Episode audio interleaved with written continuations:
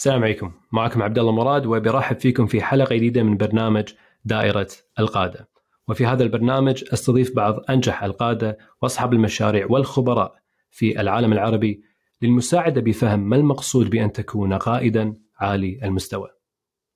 ضيف اليوم هو رئيس مجلس إدارة ديكم للاستشارات والتدريب القيادي مستشار في التخطيط الاستراتيجي وإعداد المدربين وهو مؤلف كتاب خدعوك فقالوا.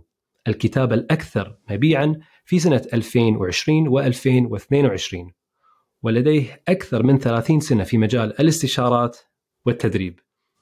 أبيكم ترحبون معي الدكتور أحمد بوزبر دكتور حياك الله في الدائرة. حياك الله. حيا الله الجميع وأنا لي الشرف أن أكون معاك في مثل هذه الحلقة. التي يعني الثيم مالها عن القيادة والقادة وكيف تصبح قائدا فعالا فحياك الله. الله يحييك.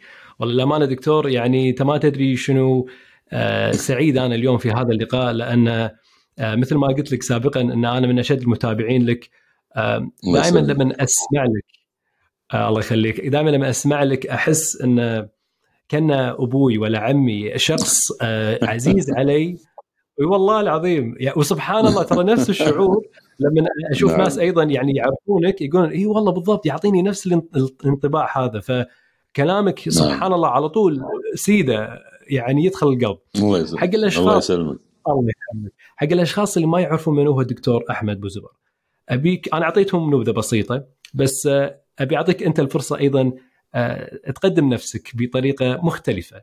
ف نوخر خلينا نقول عن الجانب الأكاديمي أو الجانب إيه، نعم. السي في من هو دكتور أحمد؟ بسم الله الرحمن الرحيم.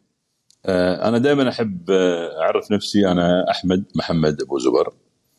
آه، بثلاث قبعات وأعرف نفسي بثلاث قبعات، القبعة الأولى الوظيفة الأساسية اللي كنت فيها.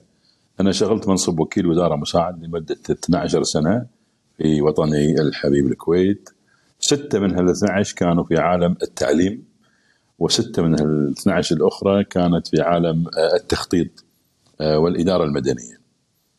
سنة 2003 ميلادي أنعم الله عز وجل علي بنعمة كبيرة أنا أسميها التقاعد. يعني التفرق للقبعة الثانية. تفرقت للقبعة الثانية اللي هي التدريب.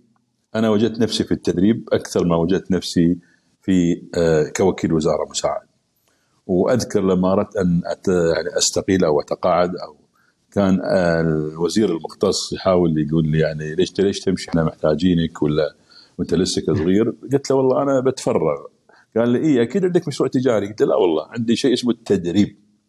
فلما قلت له عن التدريب استغرب كيف أنت تتنازل عن منصب قيادي بسبب التدريب. لكن. التدريب هو قبعتي الثانية اللي عشتها و... والحمد لله توفقت فيها. ووجدت نفسي إني أنا قاعد أقدم يعني أجد ذاتي فيها وقاعد أقدم يعني خير للناس أكثر من وجودي فقط في منصب حكومي.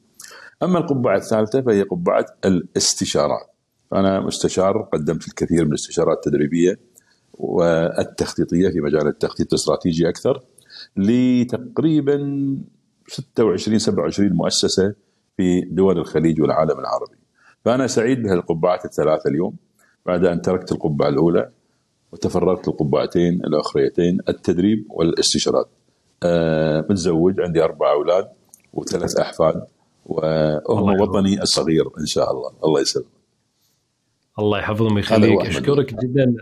أشكرك جدا على هذه المقدمة المقدمة الجميلة. للأمانة حبيت الموضوع القبعات المختلفة والمتنوعة اللي وحتى يعني يعني خلينا نقول مسارك المهني آه، فعلا يعني لو أنت تشوف شخص يكون عنده الفرصة أنك تكون آه، وكيل وزارة وبعدين تترك هذا المنصب ل هل ممكن نقول هل هو شغف؟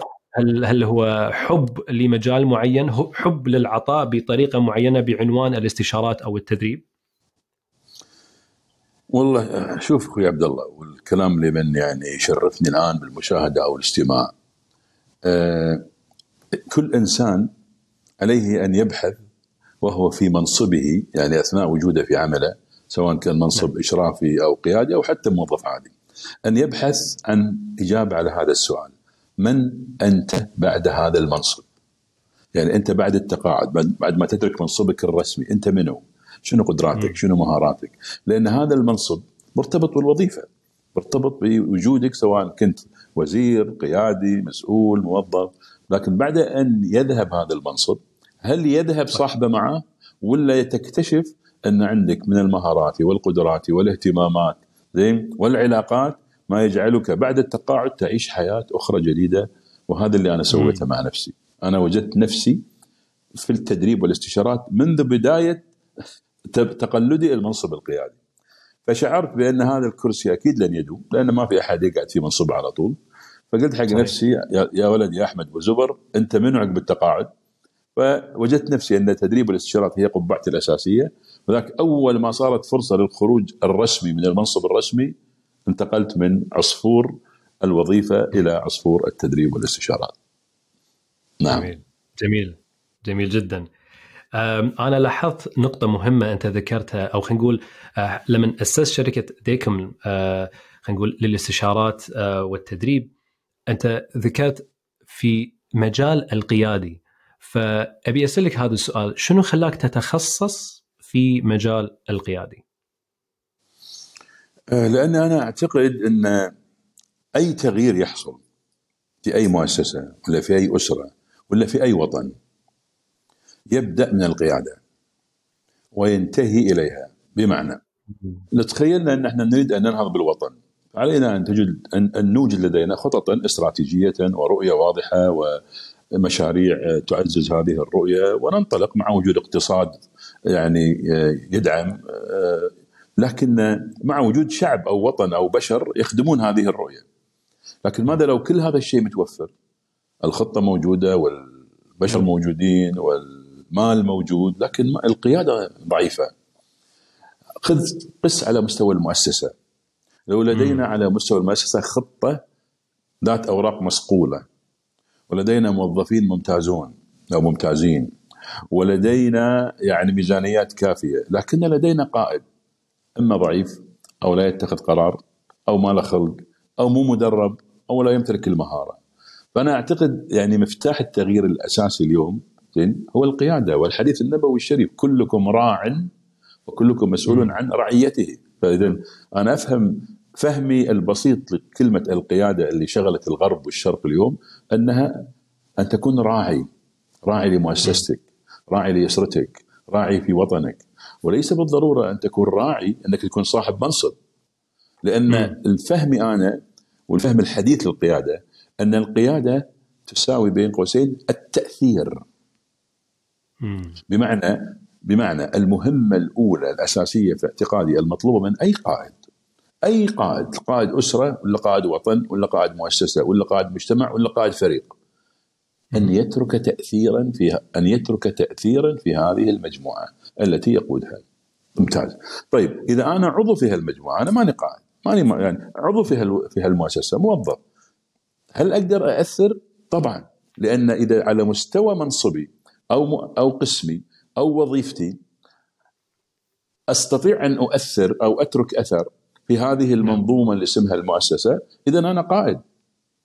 اذا أنا قائد لأنني أترك تاثيرا. فكلما كان عندي تركيز على منطقة تأثيري فأنا في هذه المنطقة قائد.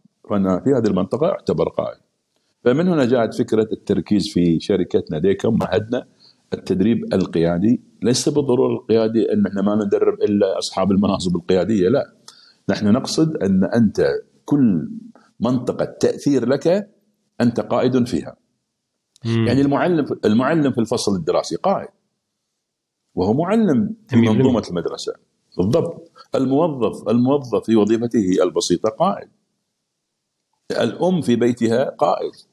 تمام؟ وهكذا. مم. فمن هنا جاءت فكرة التركيز على الجانب القيادي. نعم.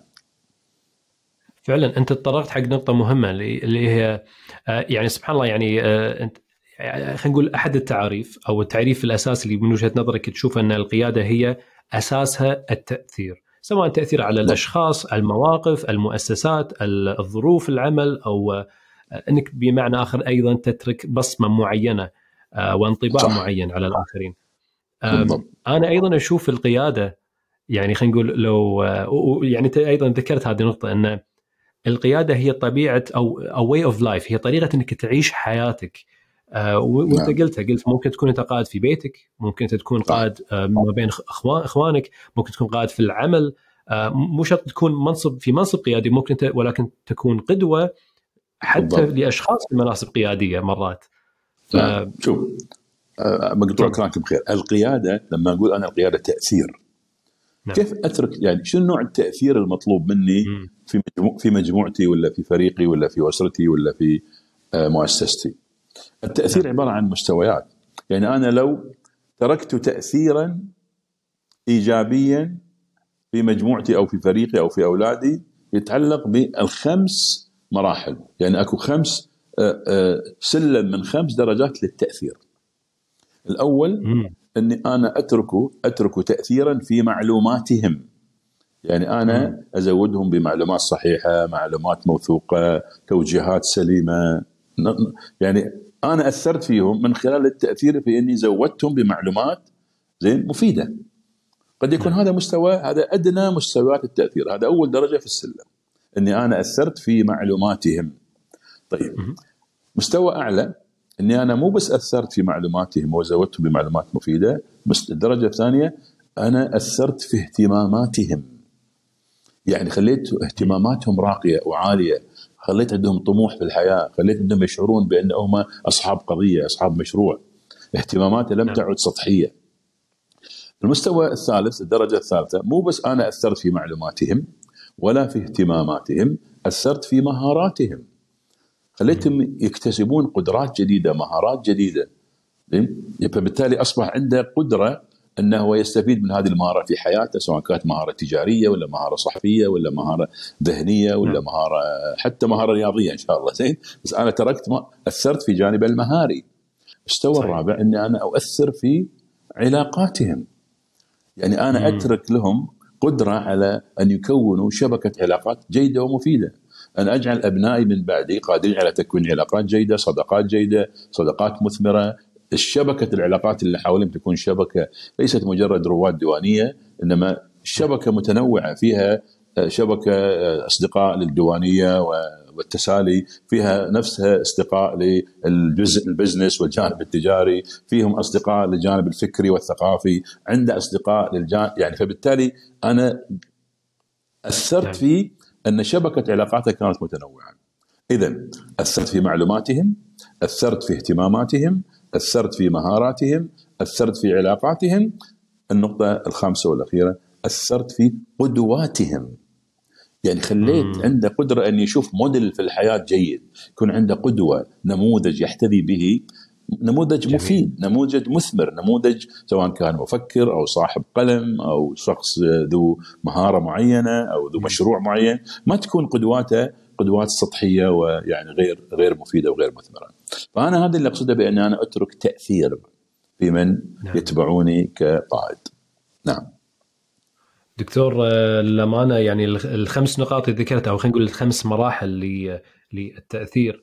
يعني وأنت قاعد تتكلم وتقول هذه الأشياء قاعد أستذكر أشخاص أنا أشوفهم وجهة نظري يعني يجسدون تعريف القائد. فقاعد أشوف إنه هالاشخاص شلون أثروا علي من ناحية المعلومات الاهتمامات المهارات آه، خلينا نقول الأشخاص اللي احتكيت معاهم الأشخاص اللي صاروا قدوة بن... سبحان الله هم صاروا قدوة لي بهالطريقة. ففعلا يعني قاعد أشوف انه إن القائد المؤثر آه، عنده القدرة إنه فعلا بالضبط. يحقق لك كل هذه الاشياء يأثر عليك في هالخمس جوانب. نعم. وبهالخمسة عبد الله مش بالضروره يكونون هذول أصحاب منصب قيادي.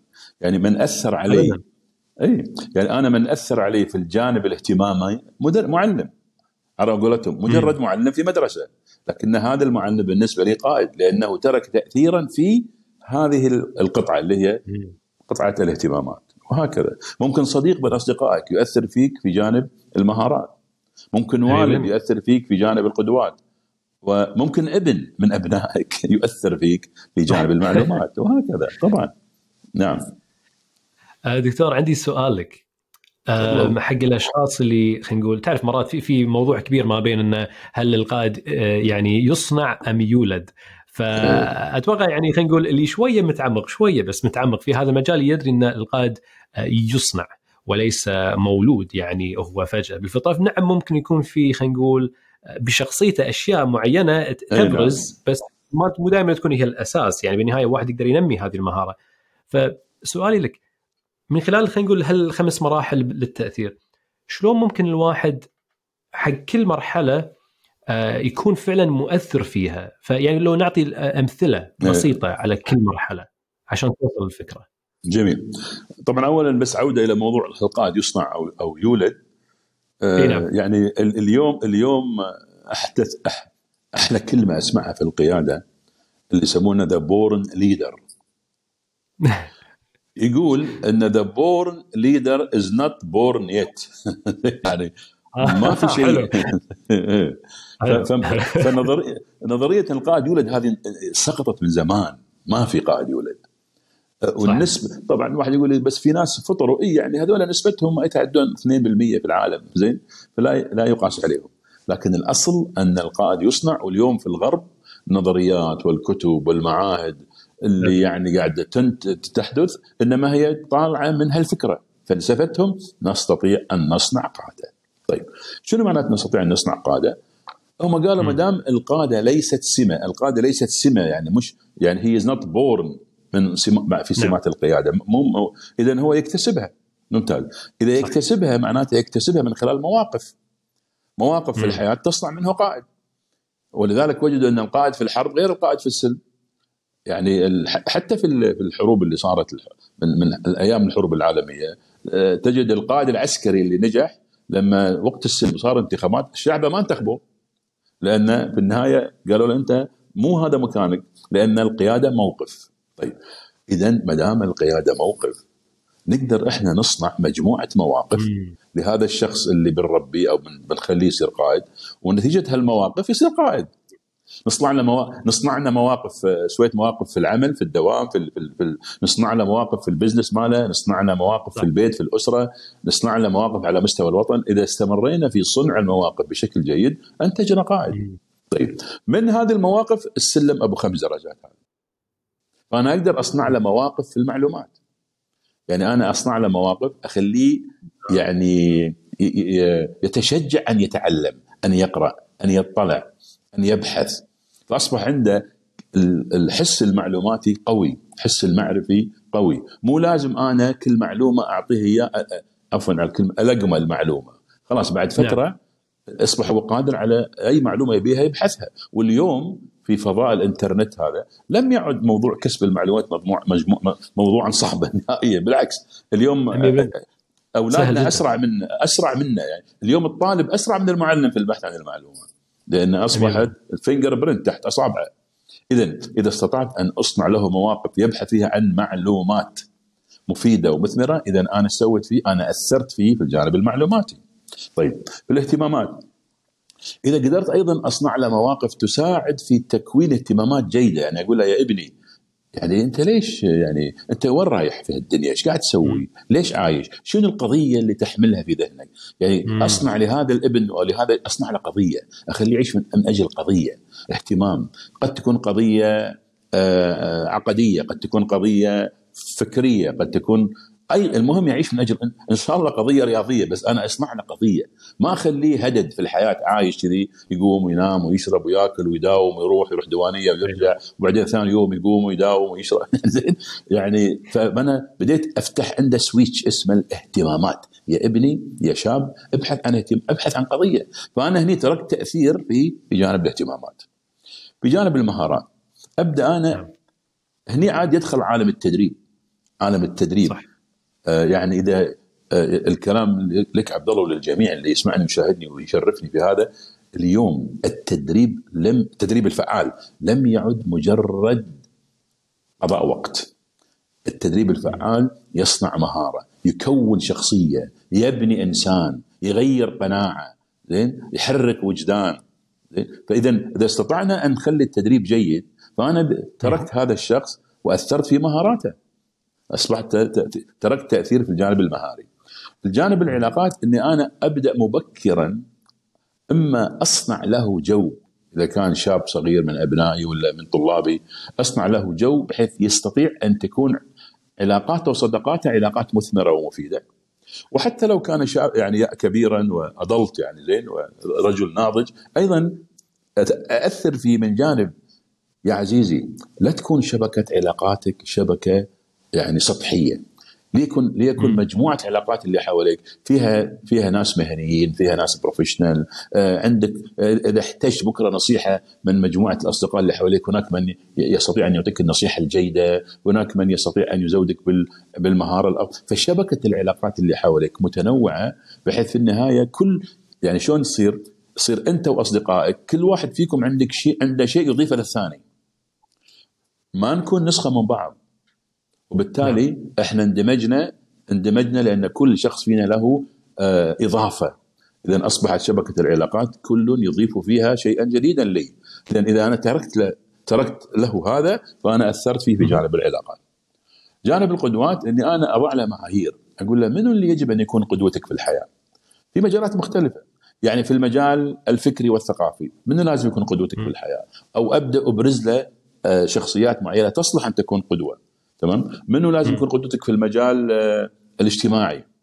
آه، منو لازم يكون قدوتك في المجال حتى الفني حتى الرياضي حتى الاقتصادي حتى يعني يكون لك أكثر من قدوة في أكثر من مجال. ما يخالف يكون لك قدوة في مجال رياضي بس هذه القدوة في المجال الرياضي شنو مواصفاتها؟ شنو البعد البعد الوجدان الوجداني اللي بيضيف لك بيضيف لك إياه؟ فكلما أعطيته ستاندرد أو معايير يحسن استخدامها لاتباع هذه القدوات كلما تركت تاثيرا فيه في جانب القدوات. اذا أنا أعتقد أن التأثير عبارة عن السلم من خمس درجات وكلما نجحت أنا كقائد أن أترك تاثيرا في هالخمسة فأنا في الحقيقة يعني هنا هنا أصبح قائد مؤثر فعلا. نعم. يعطيك العافية دكتور على الشرح الكافي والوافي حق كل مرحلة ويعني جت لي آه، خلينا نقول لحظة إدراك على شغلة. وهي تميز ما بين القائد المبادر والقائد اللي خلينا نقول ما يبادر كثر ما ينطر شيء يصير ومن ثم يظهر. فكان الموضوع اللي كتبته هي عبارة عن إنك تخلق لحظات إنك تكون مؤثر وعكس هذا تماما إنك تنطر لحظة تصير ومن ثم تحاول إنك إن تكون مؤثر في هذه اللحظات. وأحس إنه آه، القائد عالي المستوى القائد اللي فعلا يعني اللي اللي هو يعتبر next level هو أفضل أو أعلى level هو فعلا نعم. يخلق هذه اللحظات فما ينطر شيء سيء يصير بالضبط. عشان بعدين يتحرك لا بالضبط. هو ما ينطر هو لا تلقائيا يدور صحيح. اللحظات بس أنا أقدر أسوي مداخلة على موضوع المبادرة تفضل تفضل أكيد إيه يعني أنت قلت كلمة حلوة القائد المبادر نعم ال ال ال يعني علاقة القائد مع فرصة المبادرة أيضا ثلاث أنواع. يعني آه. أنا اتفقت اتفقت أني سأترك تاثيرا بمعنى نعم. أصنع آه. موقف لهذا الشخص فيصبح قائد، طيب هذا الموقف أو هذه الفرصة اللي أنا م. أبيها حق هالموقف علاقتي مع الفرصة هذه ثلاث أنواع. م. الفرص عموما ثلاث أنواع، إما فرصة أنتظرها أو فرصة أقتنصها أو فرصة أصنعها. مم. بمعنى أنت زي ما تفضلت القائد اللي ينتظر الفرصة عشان تأتي ليصنع موقف ويبادر هذا أدنى مم. مستويات القيادة. وبعض الأدبيات تعتبره ليس قائد أصلا لأنه قاعد ينتظر، مم. القائد لا ينتظر زين صح الأعلى منه شوي هو هو جت فرصة فاقتنصها. هو ما صنع مم. الموقف لكن صار موقف صار موقف في مع الأسرة مع البيت في الدوام في العمل واستثمر هالموقف لتوصيل معلومة أو اهتمام أو مهارة معينة. أوكي. فهو اقتنص هالفرصة. بالضبط. اقتنص الفرصة. والقائد أيوه والمستوى الأعلى الذي يصنع الفرص صناعة. يصنع الفرصة لأولاده ولا لطلابه ولا لموظفيه يصنع صناعة ويرتب الأمر. زين مسبق عشان يبدأ نعم. يصنع هالموقف. ويخلي الشخص الآخر يعيش هذا الموقف. فأنا آسف قطعتك لكن كلامك جدا كان رائع في موضوع المبادرة. يا لا بالعكس والله يعني يعني أشكرك إن حتى أنت وضحت لي مراحل مختلفة من الفرص. يعني آه إنك أنت شلون ممكن تنتظر ممكن آه تصنع والثالثة اللي هي تقتنص تقتنص, تقتنص. نعم. أنا لأن لأن تذكرت سنه من السنوات كنت أشتغل في مكان ومديرتي حزتها اليوم هي مرشدتي يعني فكنت يومها كانت يومها أنا كنت يعني كنت قاعد أواجه تحديات معينة في حياتي كنت ما بين ان كنت أبي أكمل الدكتوراه وبس حسيت إنه يعني ما ماني قادر أوصل حق الجامعة اللي أنا بيها فمريت في ظروف شوية صعبة فهي يعني تلتني على الصوب قالت عبد الله إيش صاير معك؟ يعني كذا. ف فيعني حتى أذكر إنه يعني خذت الوقت الكافي إنه تسمعني تسمع شنو اهتماماتي آه، مع الأيام قمت ألاحظ حتى في يعني تخيل دكتور يوم الجمعة بالليل كانت تطرش لي آه، فيديوهات على الإنستغرام عن أمور تشدني عن اهتماماتي ومنها أمور يعني تخيل إن أنا سعقت في هذا خلينا نقول نعم. الدعم نعم. وال, وال يعني الموقف يعني خلاني أفكر إن هذه الامرأة مديرتي في يوم الجمعة بالليل وهي عندها عيال وكذا وهم قاعدة تفكر إيه. فيني يعني الموقف هذا وايد أثر فيني لأنه فعلا مني حسيت إن هي الحين صنعت لحظة معاي لا يمكن أنساها وهذا صحيح. المثال دائما أنا أستعمله لما أبي اثر على شخص لما أنت ما تكون متوقع إنه هو راح يخدمك هذه لحظة ال magic هذه لحظة ال influence هذه لحظة الحقيقي اللي هي تصير. فهي صنع اللحظة. زي ما بالضبط زي ما سميت لحظة ال influence. لأن التأثير لحظة. التأثير لحظة نعم. دكتور أنت بعد أيضا أذكر مرة تكلمنا عن موضوع القيادة وأنت طلعت حق موضوع اللي هو إحنا قلنا القائد المؤثر بس أيضا عندك القائد الخادم. أيه. في هذا الجانب يعني انه شلون خلينا نقول ادوار القائد تتنوع وتختلف يعني أكيد من من ظرف لظرف أو من موقف لموقف. فشو ممكن أنت خلينا نقول أه توضح لنا ما هو القائد الخادم؟ لنا في في البعض لما يسمعون كلمة نعم. الخادم ياخذونها إيه. بطريقة شوية سلبية بس آه، سلبية. وهذا اللي يحصل نعم. آه مفهوم القائد الخادم مفهوم نشأ عند الغرب من فترة بسيطة. ومن الناس المشهورين في الإدارة الشخص اللي يسمى كين بلانشارد كين بلانشارد هذا صاحب صحيح. كتاب مشهور اسمه اسمه مدير الدقيقه الواحده ال one minute manager وبعدين هو اللي كتب كتاب اسمه the servant leader القائد الخادم شنو فكرته؟ يقول يقول القائد الخادم هو ليش موجود القائد؟ القائد موجود عشان يخدم أتباعه للوصول إلى الرؤية اللي هم متفقين عليها. فهو مو خادم يعني بمعنى المعنى السلبي اللي عند بعض الناس، لا الخادم بمعنى هو هو ميسر للوصول ميسر ممهد الطريق للوصول إلى الرؤية، لكن السؤال اللي أنا أطرحه لما أنا قرأت كتاب القائد الخادم أنا طورت هالمفهوم في ذهني. قلت لحظة القائد يعني يعني وين يجب أن يكون في المؤسسة؟ هل يجب أن يكون م. أمام المجموعة؟ أمام المجموعة، مو أمامهم يعني فيزيكلي إنما أمامهم يعني يكون سابقهم بالفكر صحيح. والثقافة والخبرة عشان يقدر يقودهم.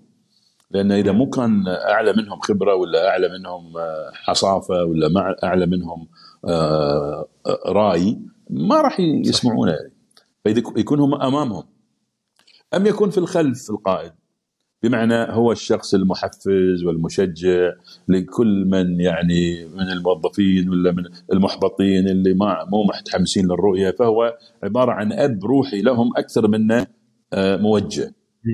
امام أو زي زي في القافلة هل يكون قائد القافلة في أمام ولا في الخلف؟ أو يكون على الاجناب الجنبين بمعنى إنه هو ماشي ومنطلق لكن هو أيضا عنده قدرة مجموعة الناس المؤيدين له يستطيع م. أن يأخذ جنب على جنب على قولتهم ويشوف والله هذا الشخص واحد أو اثنين من أتباعه غير مهتمين غير متحمسين يجلس معاهم يسوي لهم كوتشنج بروحهم عشان يرجعهم إلى القافلة أو إلى الاهتمام بالرؤية. أنا أقول القائد يكون بالنص. بمعنى إذا ك... لأن إذا كان بالأمام هذا مطلوب إنه يكون عنده رؤية. وإذا كان بالخلف هذا مطلوب لأن عنده التشجيع الأبوي والتحفيز. وإذا كان بالجنبين عنده قدرة عنده عنده يعني موقع مطلوب لأنه مطلوب إنه يرجع الناس آه، يسويهم زي ما يسمون الاينمنت يرجعهم إلى القطار أو السكة اللي ماشيين فيها نحو الرؤية. لكن لما يكون بالنص هو عبارة عن نموذج وقدوة.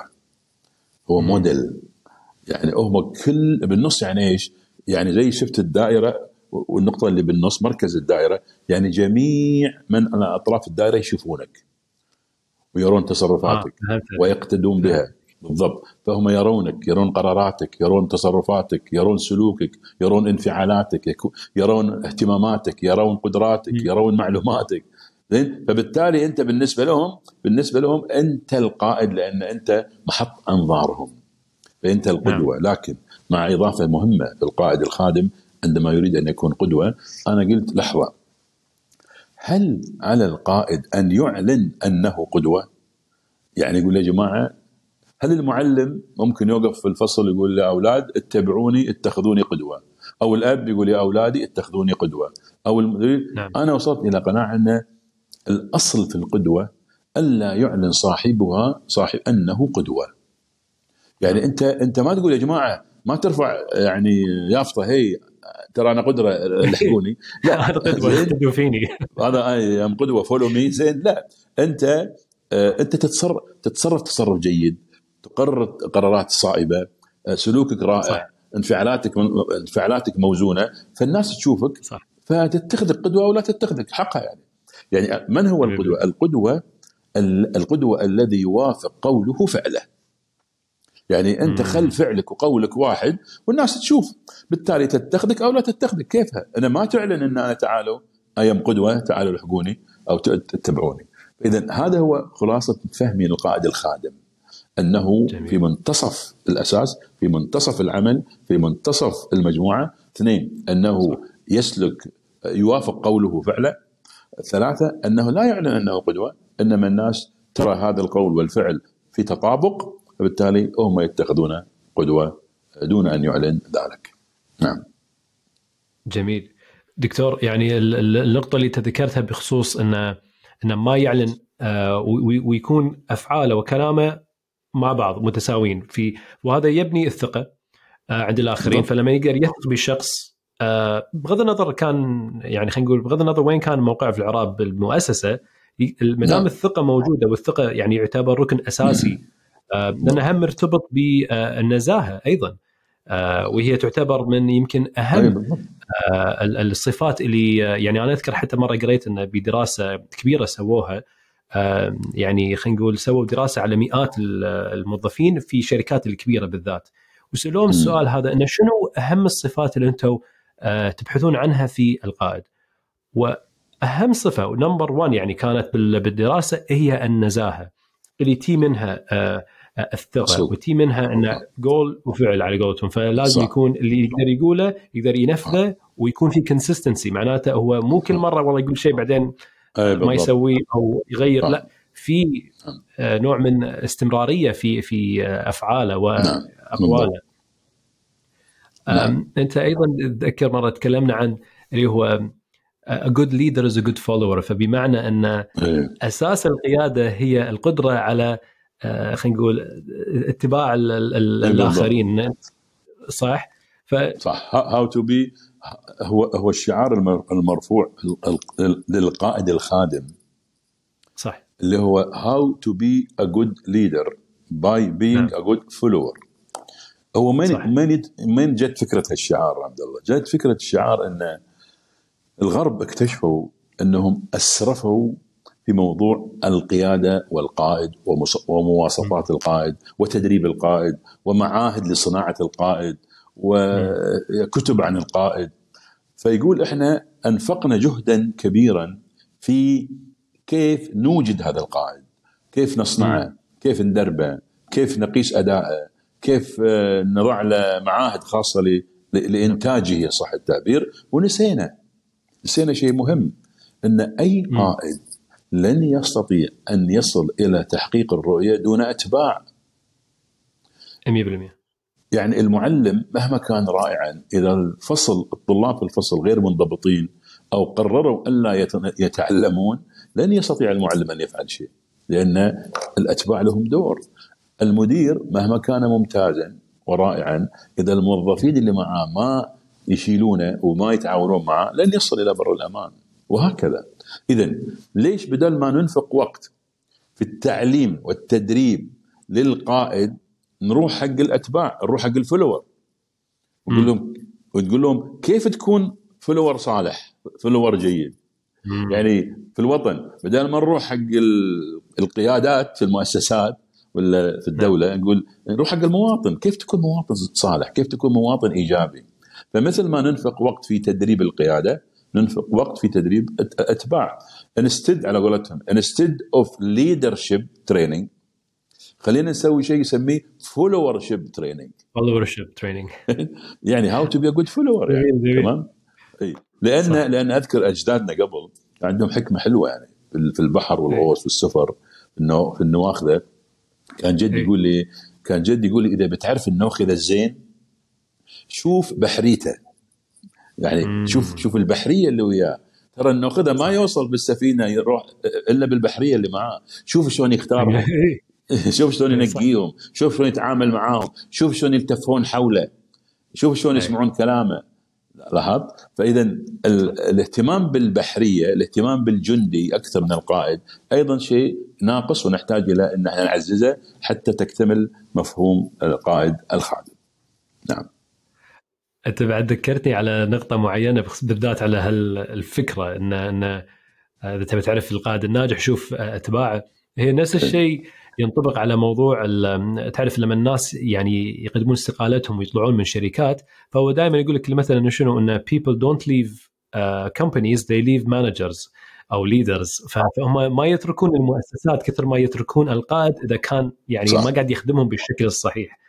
آم، بالضبط. وبنفس الوقت يعني على نرد على م- مرشدتي كانت دائما تقول لي عبد الله إذا باشر تبي تدخل أي يعني تبي مثلا مقدم على وظيفة وكنت تبي تعرف إذا هذه الوظيفة أه، يعني راح فعلا تهمك ولا لا انسى الوظيفة ركز على القائد إذا القائد ممتاز مو مهم شنو الوظيفة لأنه راح يخليك تحبها حتى لو بالضبط. أنت مثلا ما تحبها بل إيه. أكثر من هذا اذا اذا كان فعلا ممتاز راح يساعدك إنك تنتقل إلى مراحل أعلى وبسرعة بالضبط. أفضل أو أسرع خلينا نقول صح. وفوق هذا يعني راح ينميك وي- ويطورك بشكل يمكن صحيح الآخرين ما يقدرون فيه فنرد. على إن شلون عمليه اختيار القائد وأهمية. هذا الدور والمسؤولية اللي تقع على القائد أيضا اي المسؤولية اللي تقع على القائد في الاختيار بس أيضا أكو نعم. مسؤولية تقع أيضا أكو مسؤولية تقع على الفولور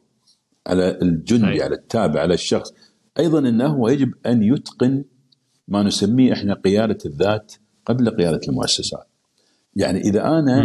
ك- كشخص جزء من هالمنظومة بالمؤسسه أنا مو قائد أنا على قولتهم مم. حتة موظف صغير بس أنا تابع لهذا القائد شلون أكون good follower شلون أكون تابع جيد.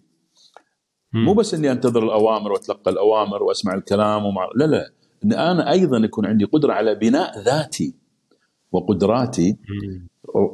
رافعا هالشعار اللي إحنا دائما نقوله أن قيادة الذات قبل قيادة المؤسسات.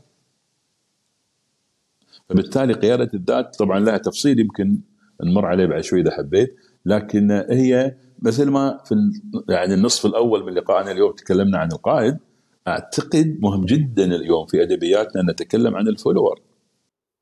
دكتور لو نتكلم عن قيادة الذات ف آه، لأن فعلا هو يعتبر يعني أنت ما تقدر نرد على الموضوع أن تبي good leader يعني تبي good follower فال follower اللي هو أنك لازم عندك القدرة أنك صح. آه، تقود ذاتك بشكل آه، كافي ووافي عشان لما تخدم فأنت مار في ظروف مشابهة فعندك القدرة أنك تتعاطف مع الآخرين بشكل معين فتقدر بالضبط. تأثر عليهم بشكل أفضل فسؤالي لك شلون الواحد ممكن يكون آه، أو يتقن آه، قيادة ذاته أه، اولا أنا أعتقد هناك خمس أو ست أمور ال follower أو الشخص عشان يقود ذاته صح عليه أن يعني يتدرب عليها أو يمارسها بشكل جيد. الأولى أنا أسميها تقدير الذات. يعني قدرتي أنا كفلور إني أقدر ذاتي أعطيها حقها لا أضخمها ولا آه يعني أحرقها لا نعم. أعتبر نفسي أنا أبو العريف ولا في نفس الوقت أنا أكون إنسان استصغر نفسي واستصغر ذاتي مم. رحم الله رحم الله امرئ عرف قدر نفسه قدر نفسه. بالضبط. قدر نفسه في. المعلومات في المهارات. اي اعرف نفسك. فإذا إذا استطعت أن أقدر ذاتي صح هذه أول خطوة في قيادة الذات. وتبدأ مم. بالحرف تاء تقدير تقدير الذات. زين. مم. الثانية أيضا تبدأ بحرف التاء تنويع القدرات. يعني أنا ما نعم. يكون عندي single skill يكون أنا كل المهارة اللي عرفتها في حياتي إني أنا نعم. أطلع كل يوم الصبح أروح دوامي وأنا محاسب وأنا فنان في المحاسبة فأنا لا أتقن مهارة غير مهارة إني أكون محاسب، طيب بعد فترة تركت هذه الوظيفة ولا أملك غيرها، مهارتي وقفت، لكن إذا نوعت مهاراتي أصبح عندي قدرة على يعني يعني عندي مهارة فنية في المحاسبة، عندي شوية مثلا مهارة كتابية في الصحافة، عندي شوية قدرة يعني ذهن تجاري بالموضوع موضوع المال، فاي هالقدرات مشت معي راح أمشي معها لأني أنا ما حش حشرت نفسي في single skill. اذا. الأولى تقدير الذات، الثانية تنويع القدرات، الثالثة جميل. اي الثالث هم يعني صدف إن كلهم يبدون بحرف التاء. آه، آه، الثالثة سميتها أنا ترشيد القرارات. ترشيد بمعنى القرارات. انه يكون عندك ترشيد يعني أنت لما تيجي تقرر قرارات في حياتك خاصة القرارات المصيريه تأخذها بعناية وبرشد وبتأوده وبجانب موضوعي سواء قرار في حياه أي قرار في حياتك أو في في وظيفتك آه، جميل. قرارات في في الجانب قرار الزواج قرار الوظيفة قرار الدراسة قرار. الانتساب إلى جامعة معينة كلما كانت قراراتي مدروسة كلما أنا. قدت ذاتي أصبح عندي قدرة على قيادة الذات النقطة الرابعة غير تقدير الذات وتنويع القدرات وترشيد القرارات أنا سميتها توازن العلاقات. نعم. يعني أنا الآن عضو في فريق ولا عضو في مجموعة ولا موظف في مؤسسة أنا أقدر ذاتي وأعتد بذاتي وعندي قدرة على ترشيد قراراتي وعندي تنويع في قدراتي بس أنا في النهايه يجب أن أدرك إني أنا جزء من مجموعة جزء من منظومة جزء من فريق. فما يصير اعتدادي بذاتي يجعلني ما أتمتع بروح الفريق وروح الجماعة والعمل الجماعي. بالتالي ممكن أنا أتنازل عن بعض آرائي أفكاري بحيث إن أنا أخلي السفينة تمشي، أخلي المركب يمشي، أخلي المؤسسة ككل أنظر إليها إنها سفينة واحدة لا أخرق في نصيبي خرقا. وبالتالي إيش؟ والله أنا كيفي أنا هذا رأيي. أنا عندي اعتداد بذاتي. أوكي عندك اعتداد بذاتك لازم لكن وازن علاقاتك. أنت جزء من منظومة. يعني ما يصير أقول أنا والله حتى في الوطن ما يصير أقول أنا كيفي وبالتالي حريتي زين تخدش حريات الآخرين لأنها تتوازن العلاقات جدا آه، مطلوب. النقطة ال- الخامسة وايد مهمة هي قدرتك آه، إنك توازن بين كلمة اسمها الحرية والمسؤولية. يعني. أنت حر. يعني شلون أنا أقدر ذاتي؟ ذاتي حرة. ما أسمح لأحد يفرض شيء غير قناعاتي. أنا عندي قناعاتي وعندي رأيي وأنا مو مع ممتاز. أنا حر حلو. ما ننكر ذلك. بس في المقابل عندما تريد أن تكون حرا في اختيارك عليك أن تعلم أن النصف الثاني من العملة الحرية اسمها المسؤولية عن اختيارك. يعني أنت حر ان تختار. حلو. لكن نعم. في النهاية تحمل نتيجة اختيارك. يعني ساعات نقول الابن أنت حر أن تختار في تخصصك ما تريد. ما نضغط عليك. لكن يا ابني إذا طلع اختيارك خطأ لا تلومنا. تحمل نتيجة اختيارك. لما نقول حق الموظف أنت حر أن تختار في قراراتك بس يعني تحمل نتيجة اختيارك. زين؟ وهذه الحقيقة يعني يمكن إذا إذا في مجال أقول قصة صغيرة ذكر لي أحد أصدقائي. إيه. الحقيقة تؤكد هالمعنى. أحد أصدقائي التربويين المعروفين يقول لي دكتور مرة يعني آه، كنا معزومين على حفلة زواج. الزواج لي يعني ناس قريبين جدا فلازم نروح بدري ولابسين وكاشخين وبنتها اظن كان عمرها سبع سنوات ما شاء الله عليها ملبسينها وشعرها والذهب واللبس والكذا. يقول جتني زوجتي جتني زوجتي تقول لي الحق بنتك قاعدة تبكي. ليش؟ أوف. قال شفتها شفت هالكشخه وهاللبس اي قالت مصرة مع هالكشخة واللبس والزينة تلبس حذاء الرياضة. إيه؟ يعني ليش؟ لأن ذاك تو طالع الحذاء هذا اللي فيه أصوات وفيه ألوان وكذا. فمصرة يقول كان أقول حق نفسي الحين الكلام اللي نقوله في الدورات والمحاضرات خلينا نطبقه على عيالنا. خلاص إحنا قاعد نقول انت حرة اختاري. يا بنتي شنو تبين؟ قالت بابا أبي ألبس حذاء الرياضة. قال خلاص اختيارك. انت حرة اختاري. يقول لبست حذاء الرياضة إحنا الآن ماشيين رايحين السيارة بنركب وهي ماشية معانا لحقتنا. قلت لها بنتي وين رايحة؟ قالت أنا رايحة معاكم بالعرس قال لها شوفي بنتي انت حقك تختارين نوع الحذاء اللي تلبسينه قرارك. إحنا قرارنا واختيارنا اللي يلبس حذاء الرياضة ما يروح معنا العرس. يلا يا أولاد خلينا نمشي. تخيل ها؟ يقول أنا مشيت. يقول يعني سوي إيه سوينا رحنا بنمشي بنركب. الحين طبعا إيه. قامت تبكي كيف؟ يعني يلا بنمشي. ركبنا السيارة تقريبا. يقول والله يا دكتور أحمد ما هي إلا دقائق. حتى راحت ومسحت دموعها ولبست الحذاء المطلوب ورجعت ركبت بصمت. ليش؟ لأن حست إن اخت... لا حست إن اختيارها غلط. زين؟ اختيارها اللي هي حرة فيه. هي حرة تلبس الحذاء اللي تبي. بس لما اكتشفت إن اختيارها غلط صلحته فاذا هذا هو النقطة الخامسة. وازن بين حريتك أو اختيارك ومسؤوليتك تمام نعم. يعني آه، يعني شبابنا اليوم يبي نصف الأول من العملة يبي يعيش حر وقراري وكيفي وأنا حر من غير مسؤولية. ماشي بس ما يبي غير ما يتحمل النصف الثاني من العملة المسؤولية نعم. آه اذا في بناء الذات هذه خمسة السادسة والأخيرة أنا أسميها أن تستمتع في العمل والحياة يعني آه، حتى لو أنت رشدت قراراتك وقدرت ذاتك ونوعت قدراتك ووازنت آه، علاقاتك وعشت بين الحرية والمسؤولية في النهاية انظر إلى العمل والحياة والمهام إنها متعة استمتع فيها لا تجعلها ثقل. يعني بعض الناس يعني بعض الناس يداوم دوامة قسم ما يحب ما يحب دوامة يعني بس هو دوامة رزقه يعني شو يسوي يعني؟ فعشان نوصي إحنا نقول له حاول أن تستمتع. زين؟ ومرة قريت مقال عجيب. كاتب واحد هذا المقال في يقول إنني أستمتع بوظيفتي التي لا أحبها. تخيل يعني عنده قدرة في قيادة ذاته لدرجة إنه هو حتى ال... يعني حتى الوظيفة اللي ما يحبه قاعد قاعد يستمتع فيه شلون؟ صح. طبعا بطريقه التدريب ثم التدريب ثم التدريب يحاول زي ما يقول في الحديث النبوي الشريف إنما الحلم بالتحلم والعلم مم. بالتعلم زين فأنا لما يعني كأني أمثل إني أحب هالموضوع وأحاول أستمتع أحاول أستمتع أحاول أستمتع بعدين أستمتع زين مثل أحاول أصير حليم أحاول أصير حليم بعدين أصير حليم يعني صح. هذه حرف إي والله حرف التاء. يعني يعني طبعا إذا الله سبحانه وتعالى أكرمك بأنك متعتك في عملك هذا شيء من فضل رب العالمين. يعني أنا أقول لأولادي ساعات عبد الله من من يمكن الله يحب يحب أبوكم لأن خلى مصدر رزقي التدريب والاستشارات هو شيء اللي أحبه. الشيء اللي يعني تحبه صح. بالضبط إنه شيء تستمتع فيه وهو مصدر رزقك. لكن إذا طلع مصدر رزقك شيء ما تحبه تدرب أن تستمتع.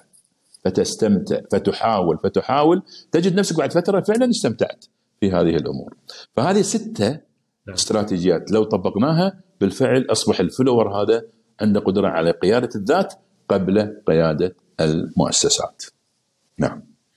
هي هي يعني جزء أساسي من كل النقاط اللي ذكرتها هي العقلية ال mindset سواء كان تقدير الذات هذه يعني الصورة الذاتية للشخص.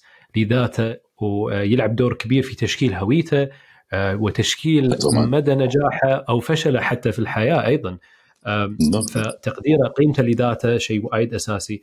تنوع القدرات أتوقع هذه جدا مهمة. طبعا يعني هم نوضحها أن مرات أن هم التنوع المكثف أو الكثير. هم مرات لا لا طبعا الشيء لا لا بس إنك تختار ثنتين ثلاث أربع تتميز بالضبط. فيهم. بالضبط. وطبعا بالضبط. سبحان الله الله هم بعد يعني في في أمور عندك أنت نقاط قوة بالفطرة. يعني الله سبحانه وتعالى راح دائما يعني كريم في عطائه. ففي ناس صحيح. يكون عندها أشياء وهذا هم هذه أحد عناوين الحلق أحد الحلقات السابقة آه، هي نقاط القوة. فأتمنى يعني حتى اللي حاب يعني يسمع تفاصيل أكثر عن هذا الجانب يمكن نعم. يعني يرجع حق الحلقات.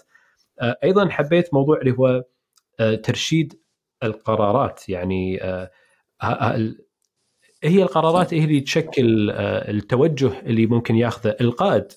آه، وأيضا هم مربوط حسيت أيضا بالنقطة اللي هي توازن الحرية والمسؤولية.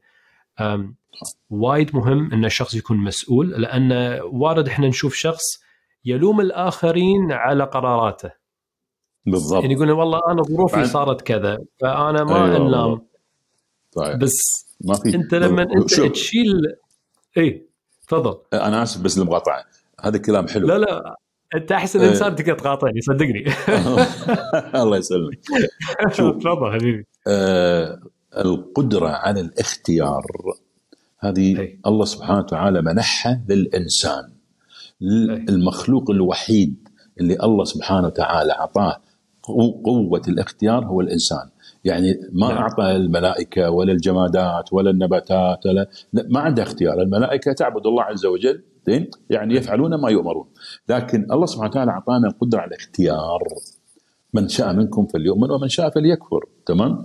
لكن في نفس الوقت قال لنا اللي يكفر يسوي يصير فيه كذا واللي يؤمن يصير فيه كذا. اذا أصبح نتيجة اختيارك لازم تتحمل نتيجتها. اذا في. مسؤولية. بالضبط. فلا أحد يقول والله إن أنا الظروف سو خلتني أسوي كذي. لا حبيبي مم. الظروف ما خلتك تسوي كذي. أنت اخترت إنك تسوي كذي. أنت اخترت أن تقرر كذا. بغض النظر قد طبعا الظروف مو معناتها أنها صفر تأثير لا.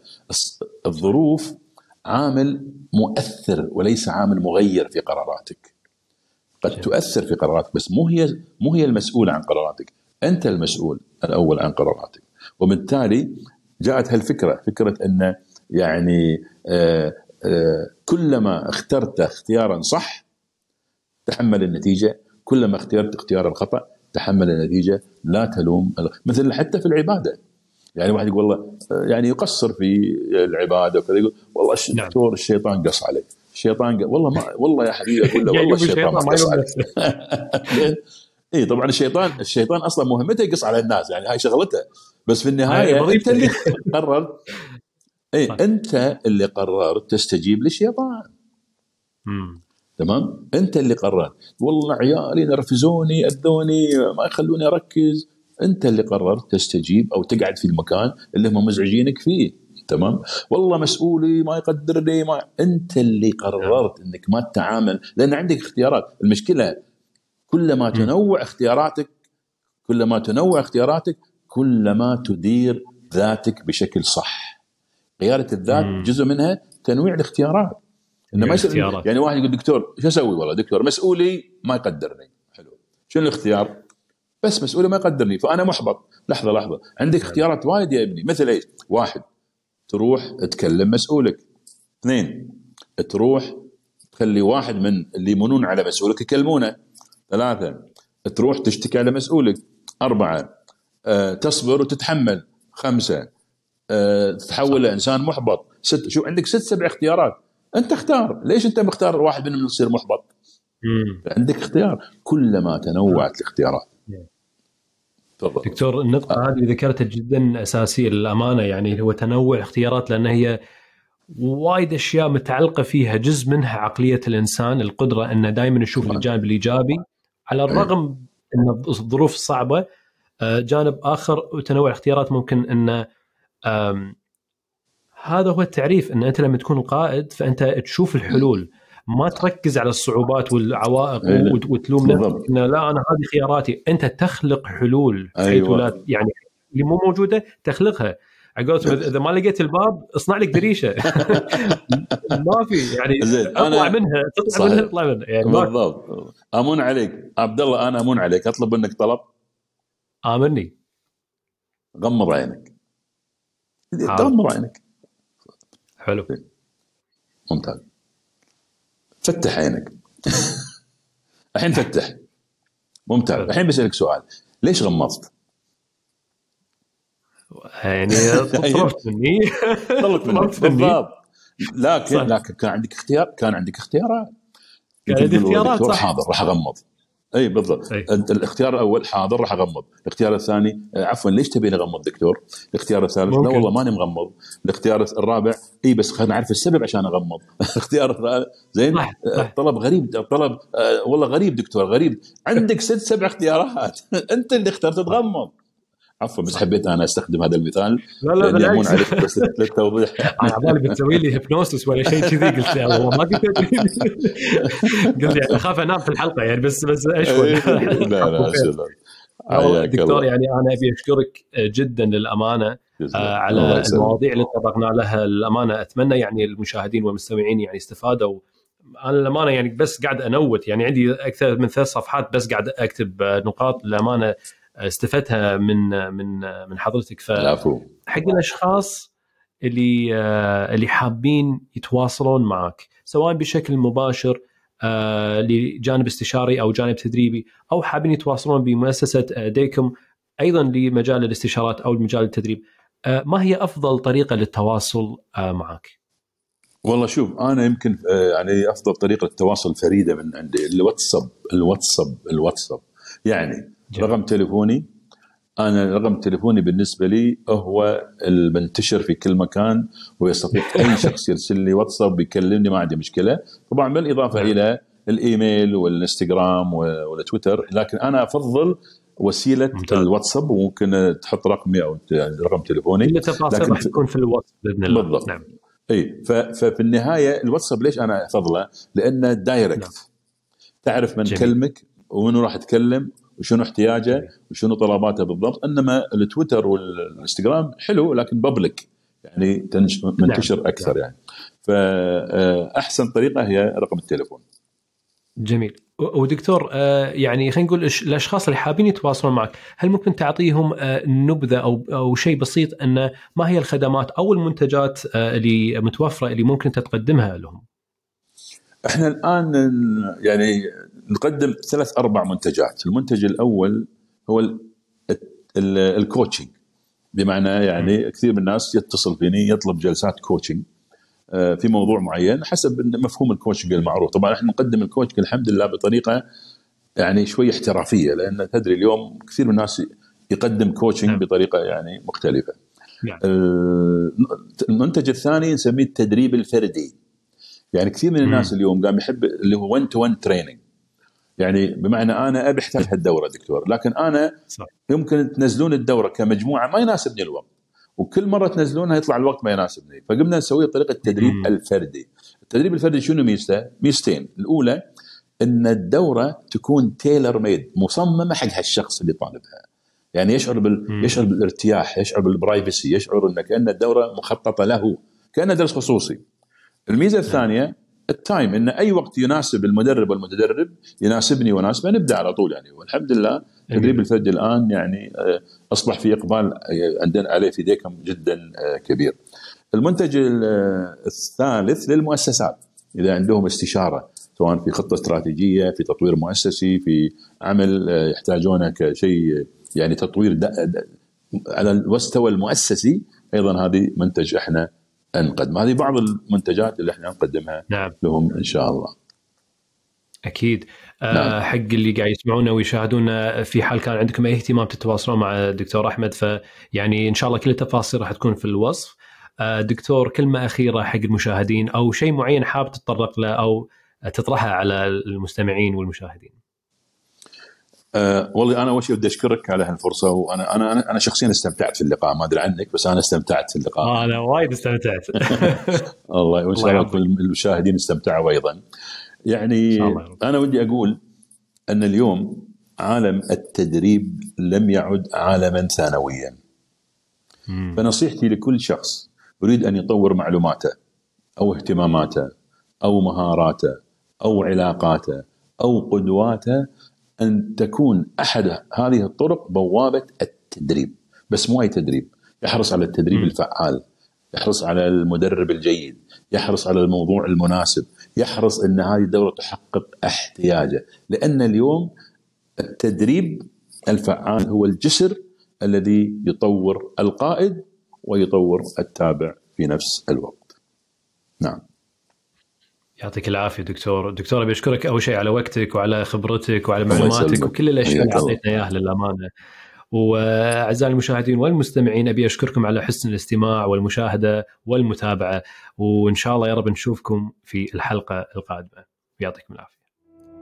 أهلا معكم عبد الله وأحب أدعوكم للاشتراك بالقناة ومشاركة هذا الفيديو مع الآخرين ولا تنسون تزورون عبدالله دوت كوم للحصول على المزيد من المعلومات والأدوات اللي راح تساعدكم للوصول لمستوى أعلى في القيادة.